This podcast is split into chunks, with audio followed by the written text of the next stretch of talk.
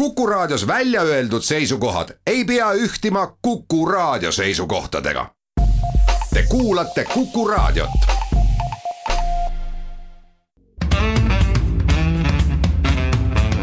muuli ja Riikoja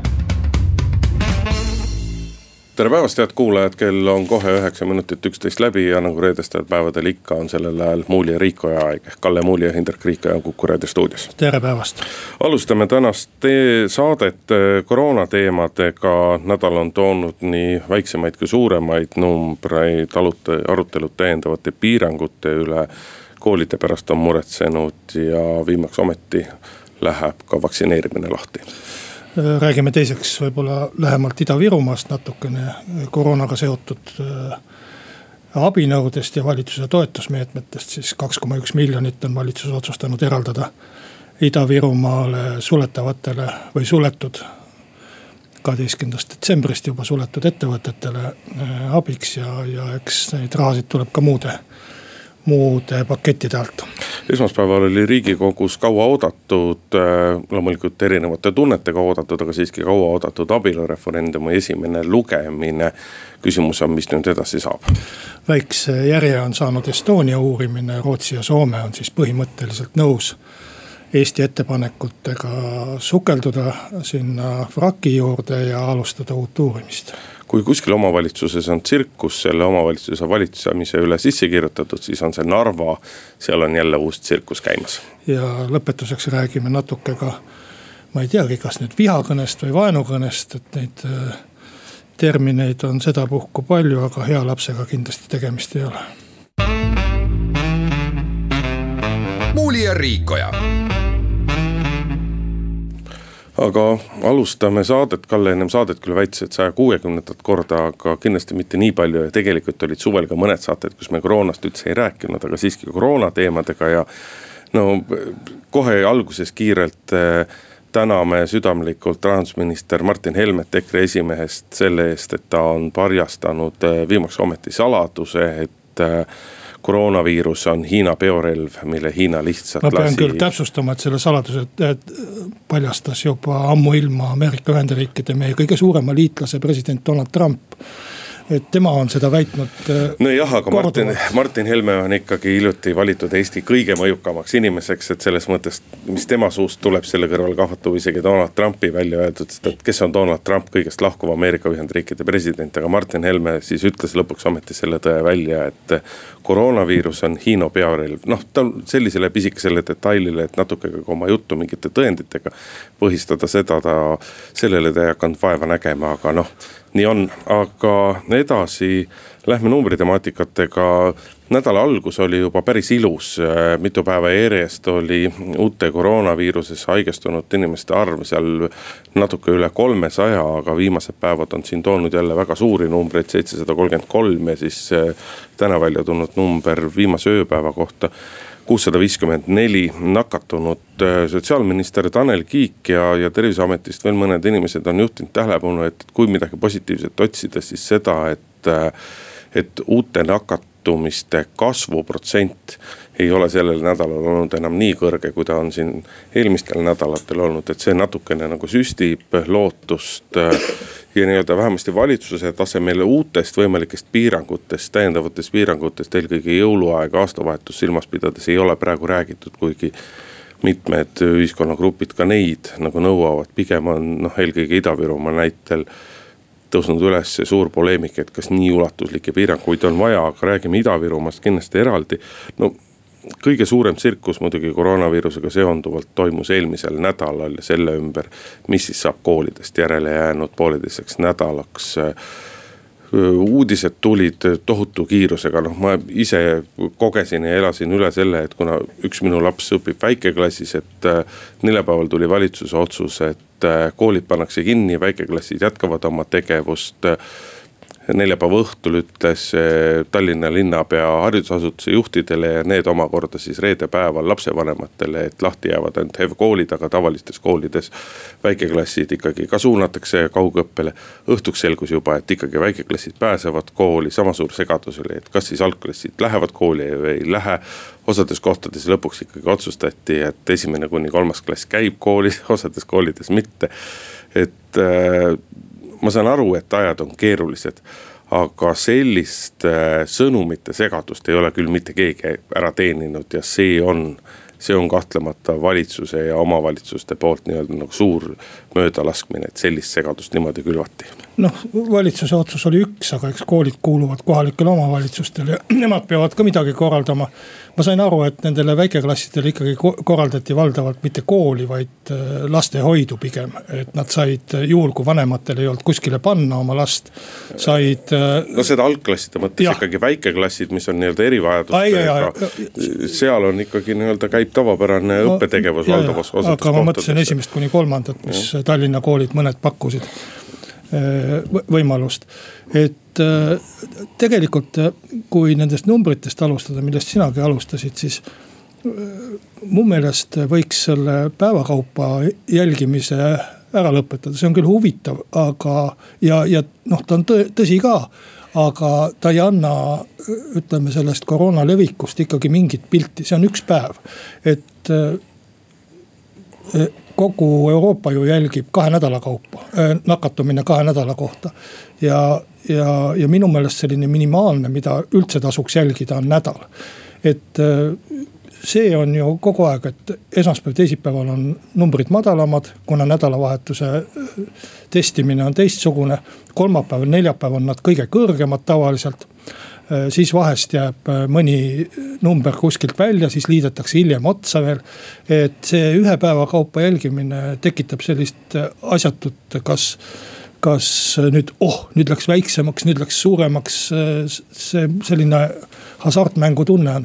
et tegelikult, kui sa numbreid vaatad, siis ta ikkagi kasvab võib-olla tõesti kasvab aeglasemalt, võib-olla on sotsiaalministril õigus, ma neid nädalate kaupa niiviisi kasve ja protsente ei ole väga võrrelnud aga mis minu meelest küll võib öelda ja seda on mul tegelikult natukene paha öelda, sest see võib anda vale signaali.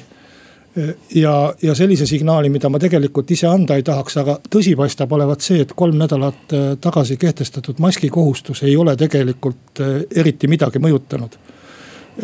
maskid on olnud kohustuslikud kolm nädalat ja numbrid on praktiliselt samad. muidugi võib ütelda, et see tuleb kuskilt mujalt või mis iganes aga. no numbrid on kohati isegi kasvanud. ma muidugi sinuga ei ole selles numbrite avaldamises selles mõttes nagu ühte meelt, et ma arvan, et kui. Et ütleme, kui see nii-öelda viimades, viimase neljateist päeva näitaja nii-öelda teavitataks kord nädalas näiteks hõigataks välja. siis see igakordne nii-öelda nagu ühiskonna selline šokk ja vapustus oleks veel suuremad, et, et see selline nii-öelda igapäeva, igapäevane no, numbrite tilgutamine emotsionaalselt pigem on nagu parem, et on paremaid päevi, siis on halvemaid päevi, on lootust, et siis tulevad jälle paremad päevad, et. et sa kuidagi oled stabiilsemalt selles voos sees ja selles mõttes sa ei võta nagu, sa ei võta seda nii traagiliselt. võib-olla peaks siis, ma täpsustan ennast, võib-olla peaks siis juurde lisama äh, jooksva nädala või, või äh, viimase seitsme päeva või ka viimase mingisuguse sellise numbri, et, et natukene seda ühtlustada, praegu tuleb küll no, kahe nädala number. teate, tegelikult muidugi nii terviseamet annab kui ka meediaväljaanded avaldavad ikkagi kogu aeg ka neid numbreid, aga vot kuidas seda tähele pannakse. aga noh, kõige olulisem uudis siiski sellest nädalast on see, et suure tõenäosusega kahekümne seitsmendal kahekümne seitsmendal detsembril või kuskil sealkandis ehk pisut enam kui nädala pärast algab siiski ka Eestis äh, vaktsineerimine, et äh, Euroopa Liidu tasandil lõigati väga uljalt välja, et kõigis Euroopa Liidu riikides hakkab vaktsineerimine ühel päeval, see päev peaks olema kakskümmend seitse detsember ehk siis pühapäev. noh, on ta nüüd kakskümmend kuus, kakskümmend seitse või kakskümmend kaheksa, vahet ei ole, oluline on see, et ta algab ja kui me vaatame seda valitsuse vaktsineerimiskava no see eesmärk on küllaltki ambitsioonikas, et, et kuskil nii-öelda kuu-kahega vaktsineerida ära riskigrupid, vaktsineerida ära eesliini töötajad, nii-öelda kõige just tööalaselt kõige enam ohustatud. ja et kuskil selline aprillist võiks siis ka vaktsineerimine jõuda tavaliste inimeste sekka. et äh, see eesmärk on ambitsioonikas. Ma olen natukene kõhklev selles seisukohas, et, et selle jaoks, et ta tõesti nii-öelda nagu õlitatult läheb, see eeldaks, et ju kõik perearstid, nende õed, kõik, kes hakkavad vaktsineerimisega tegelema. jõuaksid ühelt poolt läbida koolituse, see võtab sihuke kolm-neli päeva aega ja ja nad peavad saama ka endale vajalikku sisseseade seadmed, kuidas vaktsiine hoiustada, kõike seda. et kas see kõik läheb nagu nii libedalt, et noh äh,. aga, aga igal juhul see süstib lootust in,. Indrek, ma arvan, et kõige tähtsam on ikkagi, et riskigrupid saaksid vaktsineeritud, arstid eelkõige. ja, ja selles mõttes äh, on väga kurb, et alustatakse hulga hiljem, kui oleks võinud alustada, Suurbritannia alustas ju praktiliselt äh, peaaegu kuu aega varem aga ma arvan, et kui ma siin maskikohustusest rääkisin, ma arvan tegelikult, et ka see koolide sulgemine äh, on, on päris tõhus vahend, sest kui ma vaatan kevadesse, siis kevadest meil ega palju rohkem asju ei olnud suletud, kui äh, kui, kui praegu. no ikka oluliselt rohkem äh, lisaks koolidele ju kaubandus. aga Kalle, me peame tegema väikese pausi, paar minutit reklaami ja siis oleme eetris tagasi. muuli ja Riikoja laseme Kallel ruttu oma mõtte ära lõpetada ja siis saame Ida-Virumaa teemade kallale minna. ei, ega mul palju öelda ei ole olnudki, et ega kevadel meil tegelikult ju sulgemise poolest eh, ei olnud. Eh, me räägime küll, et kevadel pandi riik lukku ja riik lukku, et valitsuste otsustega tege-, valitsuse otsusega tegelikult ju sulgemisi ei olnud rohkem kui kaubanduskeskused võrreldes praegusega et äh, kaubanduskeskused olid kinni. et see, mis praegu lisandus just äsja, olid koolid ja ma arvan, et, et see peaks äh, enam-vähem võrduma sellesama sulgemisega, mis äh, kevadel oli, kui kaubanduskeskused välja arvata. siis olid ka ju põhimõtteliselt baarid, restoranid, teenindusasutused olid lahti. paljud küll panid iseennast kinni, kuna kliente ei olnud või, või kartsid nakkust. et, et ma arvan, et see sulgemine, mis nüüd koolidega tehti, hakkab ikkagi erinevalt maskidest mõju avaldama. no eks see inimeste suhtumise foon oli ka muidugi kevadel hoopis teistsugune ja tänasel hetkel on ta nii-öelda. seda suudetakse mingist küljest küll kahjuks nii-öelda nagu kuidagi lõdvemalt ja vähem hoolivalt, aga teisest küljest noh ka, ka jälle niimoodi rohkem nagu mõistusega. see on võtta. tõsine argument. aga meil on Ida-Virumaa, mis on tõepoolest eelmisest, eelmisest laupäevast, kaheteistkümnendast, oli eelmine laupäev, oli nii-öelda Ida-Virumaa on kinni pandud ja see on tekitanud muidugi Ida-Virumaal eelkõige sealsetes ettevõtjates väga suurt protestivaimu. Toompeale toodi matusauto koos kirstuga valitsusele Ida-Virumaa äh, ettevõtluse väljasuretamise eest. Äh, noh ühest küljest on ju arusaadav, et tõepoolest äh, Ida-Virumaa väga paljudel ettevõtjatel on väga raske ja kuigi valitsus küll on teatanud, et otseselt antakse pisut üle kahe miljoni, kaudselt tuleb nipet-näpet siit-sealt teistest meetmetest ka nagu juurde. et nagu mingisugust raha antakse, aga see majanduslik tugi on ikkagi äh, on ikkagi pehmelt öeldes nagu väike. noh jah, see on nüüd ka erinev suhtumine, on huvitav võrrelda, et kevadel pandi ju Saaremaa kinni, kuna seal oli suur nakkus, et sealt ei saanud isegi mandri peale liikuda, välja arvatud mõned üksikud inimesed erilubadega ja, ja saarlased talusid küll üsna stoiliselt seda olukorda minu meelest ja vapralt ja kiiduväärselt. Eh, no kui sa nüüd mõtled, siis, eh, siis üldised nii-öelda majanduse toetusmeetmed kevadel, palgatoetused, asjad olid ikkagi nii-öelda hoopis teisest kategooriast no see oli kogu Eestile. ja eks, eks Ida-Virumaa ja Saaremaa suurus on ka mõnevõrra erinev ja seal asuvate suurte ettevõtete hulk on mõnevõrra erinev. et kui nüüd seda Ida-Virumaa toetuspaketti vaadata, kaks koma üks miljonit, siis see summana tundub muidugi eh, väga väike, Tallinkile anti samal ajal kakskümmend miljonit, eks ju, kümme korda rohkem ja õigustatult anti, ma ei tahtnud kuidagi seda pahasti ütelda.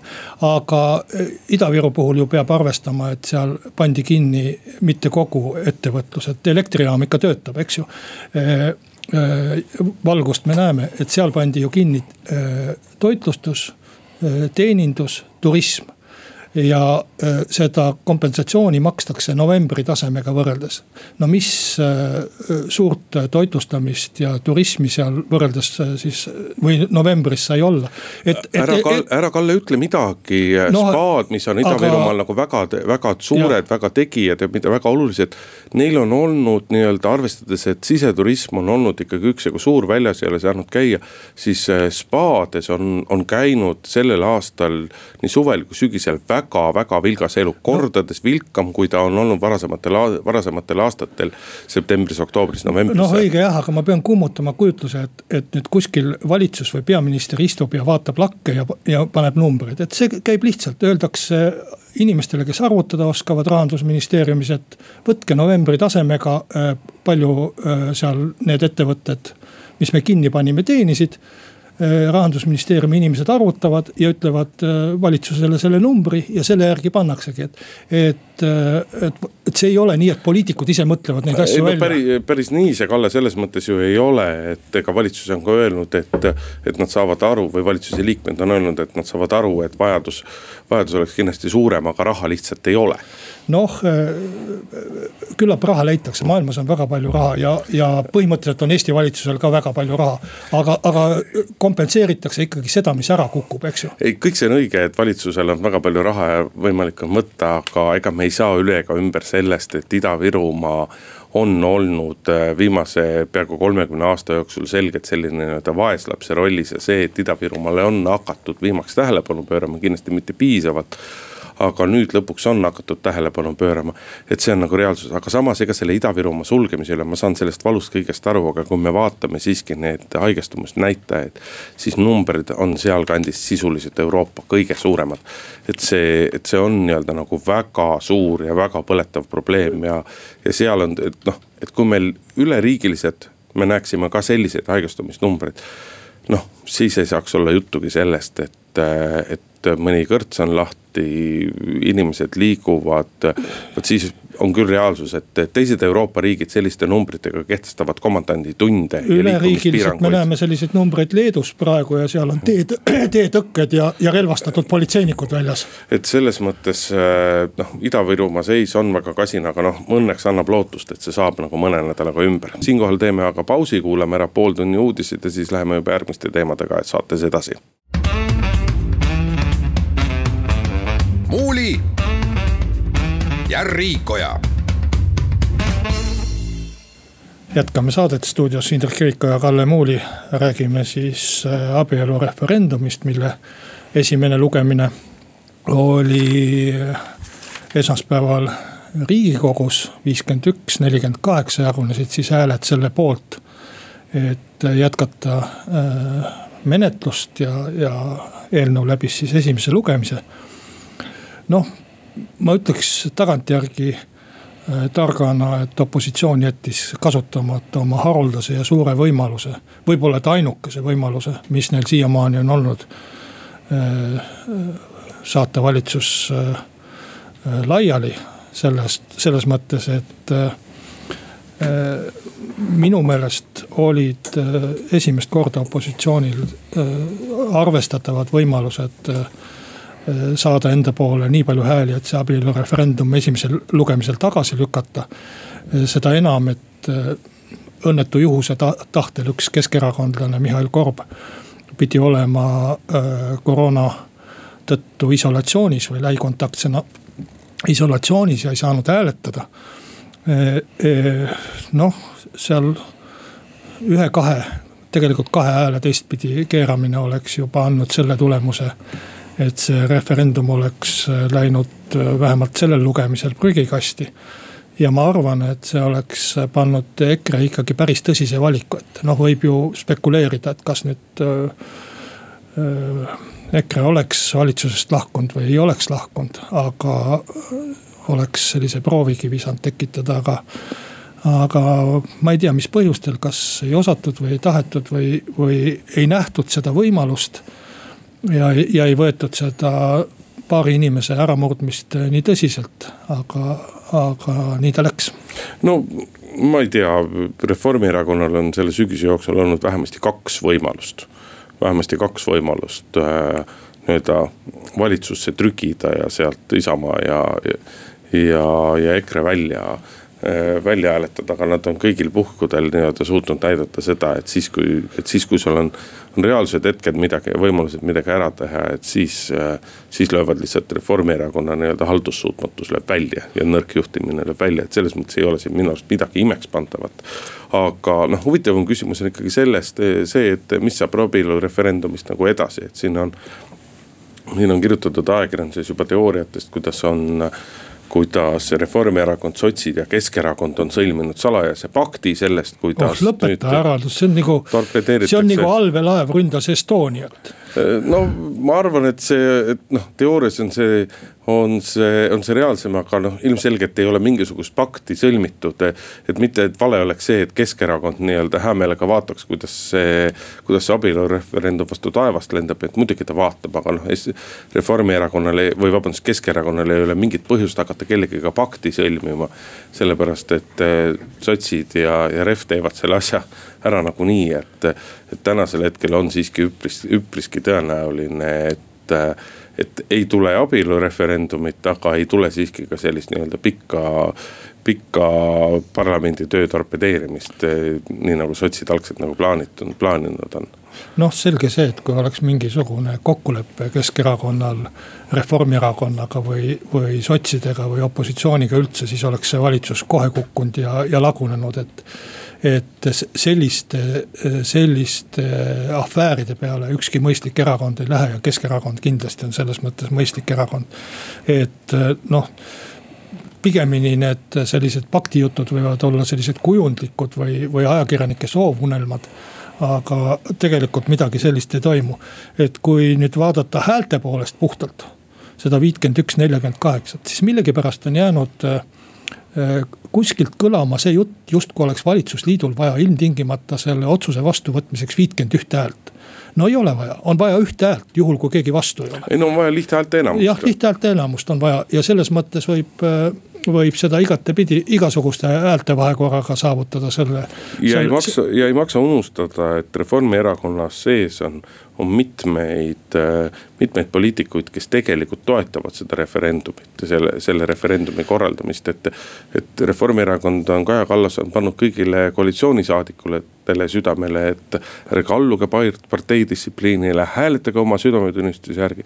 aga samas ta eeldab, et tema enda erakonnas kõik alluvad partei, parteidistsipliinile ja ei käitu oma südametunnistuse järgi. jah, aga äh, ei maksa ka unustada, et äh, need kaks inimest, kelle Keskerakonnast, kellest on räägitud, et nad võib-olla on äh, abielureferendumi äh, vastu teisel lugemisel esimesel nad ei olnud, Andrei Korobeinik ja Imre Sooäär. et nemad on Keskerakonnas asendusliikmed, ehk siis tähendab, et kui Keskerakonna valitsus peaks äh, lagunema ja Keskerakond peaks valitsusest ära tulema, siis nemad kaotavad oma riigikogu liikme koha. no seal on veel nii, räägitud. nii, äh, nii et nende nende hääletus, ma arvan, et nad äh, väga täpselt saavad oma positsioonist aru ja, ja hääletavad nagu vaja neile on. noh, seal on räägitud veel Oudekki Loonest ja veel kellestki, eks ole, et noh, tegelikult need ei ole need nimed. aga üks detail, millele sellest esmaspäevast tuleb kindlasti tähelepanu juhtida, et äh, EKRE esindaja Siim Pohlak esitles äh, siis seda eelnõud ja ta püüdis meeleheitlikult veenda noh, tegelikult mitte ainult parlamendisaali, vaid ta teadis, et seda jälgib terve ajakirjandus ja, ja, ja jälgib väga suur osa nii-öelda inimkonnast.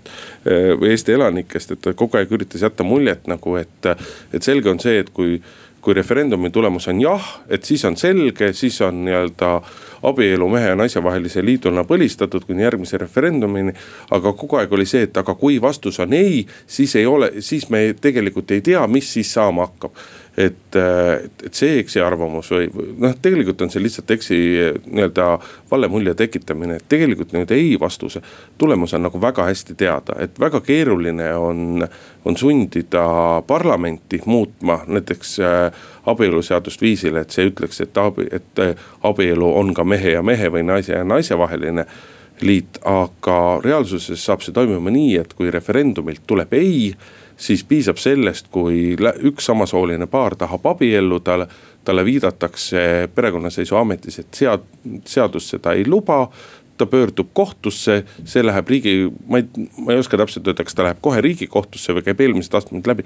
aga siis tuleb väga suure tõenäosusega ikkagi kohtust otsus, et see ei ole õiguspärane, et referendumi tulemusena võivad abielluda ka samasoolised paarid. ja nii tekib lihtsalt ka ilma selleta, kui seadus ära, seadust ei muudeta, tekib olukord, kus hakatakse nii-öelda tulenevalt riigikohtu otsusest hakatakse sõlmima ka abielusid mehe ja mehe ja naise ja naise vahel no,. et selles mõttes eil on nagu väga selge selge, väga selge tulem, selle no, üle ei pea hakkama see on mõtlema. nii keeruline konstruktsioon, et ma arvan, et selle peale me praegu ei peaks vast mõtlema. ei vastu, Kalle, vastupidi, me peame selle üle peale mõtlema, sellepärast et väga selgelt. Indrek, Indrek. hääletama Indrek tulevale seda... rahvale tuleb öelda selgelt välja, mis mis tulemus on jah vastusel ja mis tulemus on ei vastusel. et see on häma, kui rääkida nagu, nagu Siim Pohlak ja teisedki EKRE saadikud, et ei, siis me ei sa tea ei, täpselt, mis tulema hakkab. lihtsalt äh, seda küsimust võib muuta. ja, ja selles mõttes, äh, kuna see on muudetav küsimus ja praegu tulevadki parandusettepanekud, mille põhjal nagu arutatakse, kas muuta või mitte muuta, siis äh, see, seda esimese lugemise äh, vastust ei, ei maksa nii väga südamesse, nii väga tõsiselt võtta, et äh, tuleb uus küsimus näiteks ja, ja ongi kõik. ei, Kalle, seda peab väga südamesse võtma, sest vaata, see on nagu väga põhimõtteline, see on, see on väga põhimõtteline asi, et esimene lugemine oli eelnõuga, selles eelnõus oli küsimus. ja kui see eelnõu on selle küsimusega, siis tuleb selgelt välja öelda, mis on selle küsimuse puhul ühe või teise vastuse variandi tulem. tähtis on see küsimus mis läheb teisele hääletusele. see on juba järgmine samm, aga me ei saa nii-öelda sellest teemast üle hüpata. Äh, ma arvan, et äh, kõige reaalsem äh, edasine käik on siiski obstruktsioon ehk siis sotsia-, sotside poolt esitatavad tuhanded muudatusettepanekud, võib-olla, et Reformierakond ka toetab neid ja, ja sel juhul tekib küsimus, et mis saab edasi, et parlamendi mõte on ju ikkagi kokkuleppimine ja kui kokkuleppele ei jõuta, siis hääletamine. aga obstruktsioon tähendab äh, sellist vastasseisu, kus, kus mingit äh, leppimist ei ole, no ma arvan, et, et, et see oleks Eesti parlamendi ajaloos selline üks, üks halvemaid episoode, mis saab tulla ja mis peab lõppema ikkagi lõpuks kokkuleppega, et paar nädalat istutakse, ma arvan, et ka valitsusliit läheb sel juhul ikkagi laupkokku põrkesse, et seal ei ole nagu sellist äh, taganemisteed, et anname. oota, laupkokkupõrkesse kellega, opositsiooniga või omavahel? ja selles mõttes, et äh, minnakse ikkagi teisele lugemisele. et äh, valitsuskoalitsioonil on võimalus ka eelnõu tagasi võtta.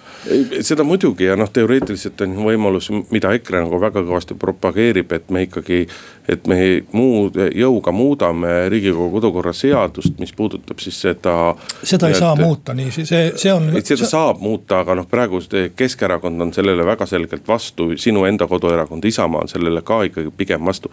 et tõenäosus, et seda teed minnakse ja nii-öelda hakatakse jõuga üle rullima, nagu EKRE seda tahaks.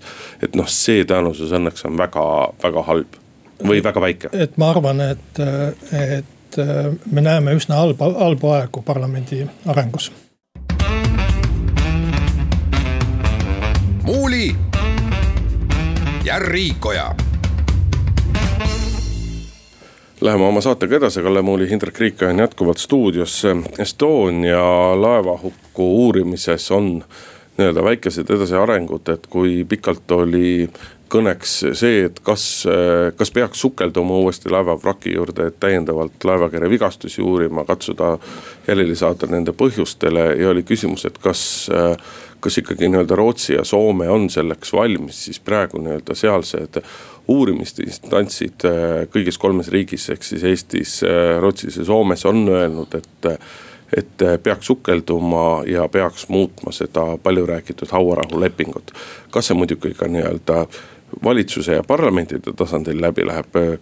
see on veel nagu lahtine eelkõige just nimelt Rootsi suunalt, sest et Rootsi poliitikud on, on millegipärast siiamaani olnud nagu väga Nad ei ole tahtnud sellel teemal üldse toru tõsta, toru tõsta, see on tekitanud väga palju vandenõuteooriaid, et mingi osa kindlasti alusetult.